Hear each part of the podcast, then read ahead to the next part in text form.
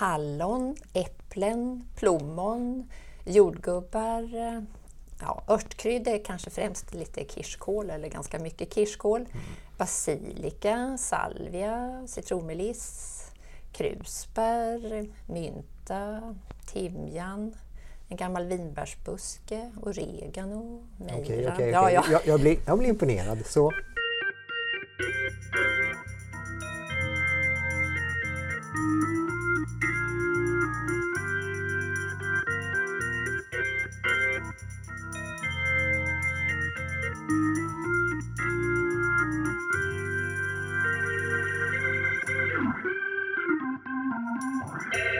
Jag heter Håkan. Och jag heter Ylva.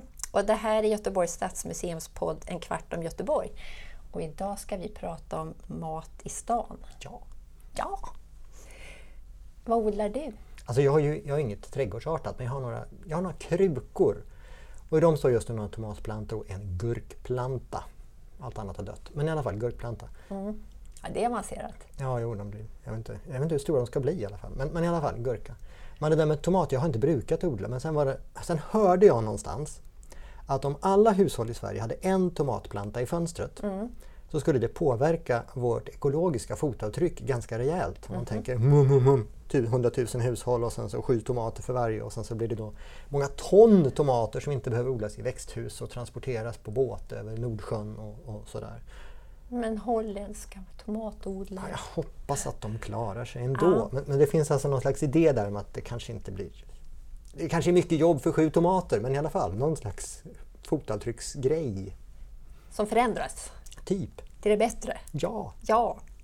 Men jag bor ju i gamla trädgårdsstaden. Ja, det hörs att du har trädgård Eller hur? Mm -hmm. eh, och den eh, är ju inspirerad av den här Arts and Crafts-rörelsen.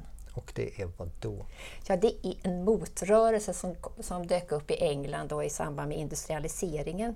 Nu, pratar vi 1800-tal? Nu pratar vi 1800-tal, definitivt. Och då ser man här med problemen som dyker upp i industrisamhället. Det är trångbott och det finns för lite mat. Rökigt. Massor av kolrök. Ja, kolröken den var inte heller bra. Så då är det en eh, man som heter William Morris som har idéer om ett idealsamhälle som är mm påminner lite om, ja det var i alla fall medeltidigt, medeltida kryddning på det kan man säga. Hantverk är viktigt och landsbygden, det är idealet eftersom här finns det plats att både bo och odla mat. Och kan man säga, så han planar väg där kan man säga med sina tankar och det är massa intellektuella som åker ut där på landsbygden. Och håller. Det är gröna vågen fast för hundra år sedan? Ja, det är gröna vågen hundra år sedan. Ja. Eh, och i det här kölvattnet efter Arts and Crafts så dyker det upp en herre som heter Ebenezer Howard som har skrivit en pamflett 1898. Och han är amatöruppfinnare och sitter och hör gör så här stenograferar i parlamentet och då får han ju höra om alla de här oändliga debatter om bostadsmisär och matproblem. Så han skriver en pamflett och han börjar propagera för att människor ska flytta ut i små självägda välfärdssamhällen, trädgårdsstad. Mm. För då får man tillräckligt med mark för att mätta alla. Och den här idéerna om trädgårdsstad, det här är då, ja, som sagt, 1898. 1898. Ja. Och så tio år senare så dyker det upp i Göteborg. Eh, Pamfletten, blir... eller idéerna? Eller? Ja, men alltså idéerna i alla fall. Idéerna. Pamfletten säkert också. Då är det en stadsingenjör som heter Albert Liljenberg som börjar rita Landala som en trädgårdsstad. Han menar också att Kungsladegård, Änggården och Bagaregården är lämpliga områden för trädgårdsstad. Ja, jag har nästan för namnet för Änggården och Kungslad. Okay, ja, ja, det är mycket gård där. Ja. ja. Eh, och man kan säga att alla de här blir ju också trädgårdsstäder utom Bagargården. Och i trädgårdsstäderna så gäller det att man har eget hus med täppa där familjen kan odla frukt och bär för hushållsbruk. Och jag har då 70 kvadratmeter som jag kan odla på. Men det var egentligen beräknat för två familjer. Okej, okay, inte direkt självhushåll sådär? Liksom inte. Mm. Nej, men ett väldigt eh, värdefullt tillskott för de familjerna som bodde där ursprungligen. Här känns det som att historien görs när små cirklar. För jag menar, backar vi till när stan, alltså från början när stan var väldigt liten och låg innanför en stenmur. Mm. Då var ju hela området runt omkring, det var ju har ju uppodlad mark. Jag menar varenda en som bodde inne i stan helst då skulle ju ha någon form av odlingsmark. Det var landerierna som låg där ute och det var små torp och det var kolgårdar och det var tobaksodlingar och kor som betade på vallarna och sådär. Så liksom idén att bor du i en stad måste du ha en yta att odla på. Den känns ju jag säga medeltida, men den känns betydligt äldre. Ja, men det är det här folk behöver äta helt enkelt. Ja, okay Någonstans måste vi ha, hämta maten. Eh, jag backar tillbaka till det här, eller var vi nu befinner oss i historien, men eh, för att sam samtidigt det här med trädgårdsstaden så dyker det upp i Göteborg en förening som heter Göteborgs koloniträdgårdar som bildas 1905. Och då är det helt enkelt att man ska ha odla för att få till det egna hushållet. Eh, matbristen helt enkelt måste åtgärdas. Och då börjar man dra igång en liten odling vid eh, Vallhalla, alltså på södra Burgården och sen också mitt för Härlanda fängelse på Kristinedals egendom. Sen dyker Landala-kolonin upp, Änggårdskolonin, som ju fortfarande då är Göteborgs äldsta kvarvarande koloniträdgård. Så har vi Gamlestan, Slottsskogen etc. Så på tio år så har man dragit igång fem koloniområden och sammanlagt 500 kolonilotter. Men det som är problematiskt med det här är att man eh, bygger koloniområden men det, samtidigt så är det den här kraftiga urbaniseringen som gör att det behövs byggas bostäder. Och då måste man ju bygga det där koloniområdena är. Liksom. Okay. Mm. Och, så, och I regel blir det någon form av kompensation, men allt längre ut från stan. Det blir liksom inte A-läge precis. Det är utan, som knuffar ut kolonier. Ja, men faktiskt. Så man kan nästan, och idag så är det nästan så här, man kan säga så här, finns det tung trafik på ena sidan, tågspåren på den andra och en kraftledning över alltihop, så kan man nästan räkna ut att det är där det odlas, där är det koloniområde. Nej, där ingen får bo och ingen annan verksamhet får vara. Typ. Ja, men faktiskt, och ingen annan vill vara. Mm. Eh, men trots att det är så här så är det faktiskt minst 2000 aktiva kolonister i Göteborg idag. Och då räknar du inte med alla de här, alltså det känns som att i många områden så är det sån här, alltså man har pallkragar som bostadsbolaget eller någon annan sätter ut och folk kan ja, odla ja. det de vill av morötter och allt sånt där. En slags minikolonister. Minikolonister? Nej, men de, nej jag, jag, tror inte det här, det här är liksom en annan form. Men, nej, men de dyker ju upp ja. överallt. Ja, verkligen en, en vurm för detta. Men det är ju en luring. En luring. Ja, för att i alla fall i de här områdena som är där de ska etablera nytt, som står inför stadsutveckling, då är det nästan att de pushar en sån här pallkrage och några entusiastiska odlare framför sig som börjar dra upp morötter och skapa lite gott häng i ett, i ett område. Och sen när de har fått till någon juicy, trevlig, trevligt umgänge, attraktion på ett område, då kommer... Nej! Jo, då kommer, då kommer de med sina grävskopor och eh, ska bygga hus och grejer. Eh, och jag vet inte hur stor utsträckning som de här odlingarna får vara kvar, men i Kvillebäcken så körde de den här taktiken och nu har jag sett vid Fixfabriken i Majorna så, som ju står inför... Vi ska bygga om allt va? Ja, precis.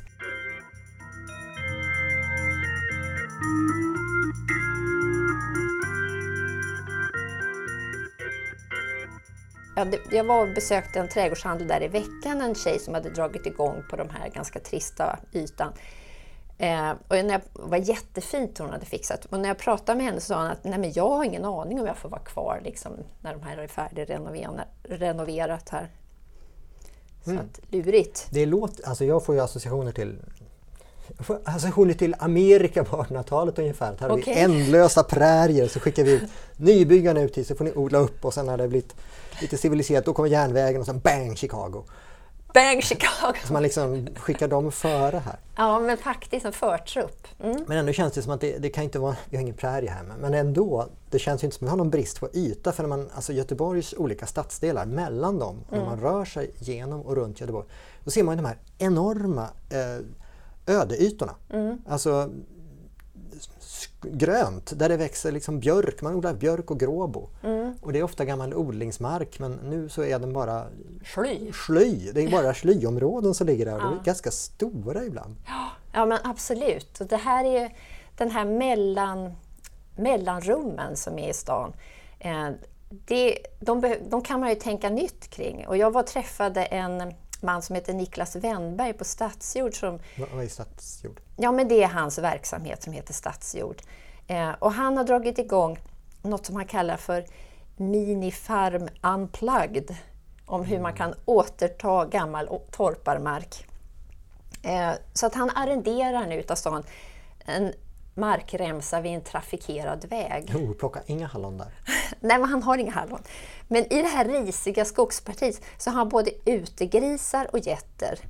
Det finns ingen el, det finns ingen vatten eller avlopp utan mm. det är sån riktig... Han går all in. Han går all in. Men det, finns inget, det är som torparstandard kan man säga i den här miljön. Men i det här så har han börjat dra igång något som att han erbjuder universitetet samtal om begripliga landskap i sällskap med jätter. Man går och pratar med jätter? Ja, och det har blivit en succé. Ja. För att han menar att eh, många utav överhuvudtaget, folk är ju inte ute i skogen så mycket och inte, framförallt inte i sällskap med jätter. Och han menar att det finns massor av bortglömd kunskap att återta i de här skogspartierna som nu bara ligger bortglömda både utav djur och människor. Ja, eh, jag måste ta det här. Jag träffade någon som, det är ett tag sedan nu, men någon som höll på med stadsnära odling. Mm. Och pratade om lite det där. Och jag blev helt besatt, stillsamt besatt. Lite, kan man bli stillsamt besatt? Ja, det, nej, det där vet ja. jag inte. Nej, men i alla fall just den här känslan av... Du vet Emil i Lönneberga? Ja, han vet jag. Ja, ja. Alltså, hur stor yta, börjar jag fundera på, behöver egentligen en, en familj idag om man skulle vara typ självförsörjande på mat? Mm. Alltså, det där Ingen är, aning. Nej, men det är. Men det är liksom det där, Emils pappa visste det där. Han visste precis hur, hur mycket äng måste han ha för så många kor för att man ska få så mycket mjölk, alltså man ska klara sig. Mm. Och hur mycket åker behövs det för att ha bröd över vintern? Och ska man hävda mer åker och äng så kanske man behöver anställa en dräng till och då går det åt mer mat. Alltså den där ekvationen. Ja. Jag bara tänkte idag om vi nu tänker hela skalan av vad vi trots allt vet och växthus och möjligheter och allt sånt där. Undrar hur stor yta en, en familj skulle behöva idag. Och liksom vilka 20 grödor skulle man ha i... Det blir inte gurka. Jag, Nej, det blir jag är inte. smärtsamt medveten om att det inte blir gurka. Det blir kålrot kanske. Ett liv på kålrot.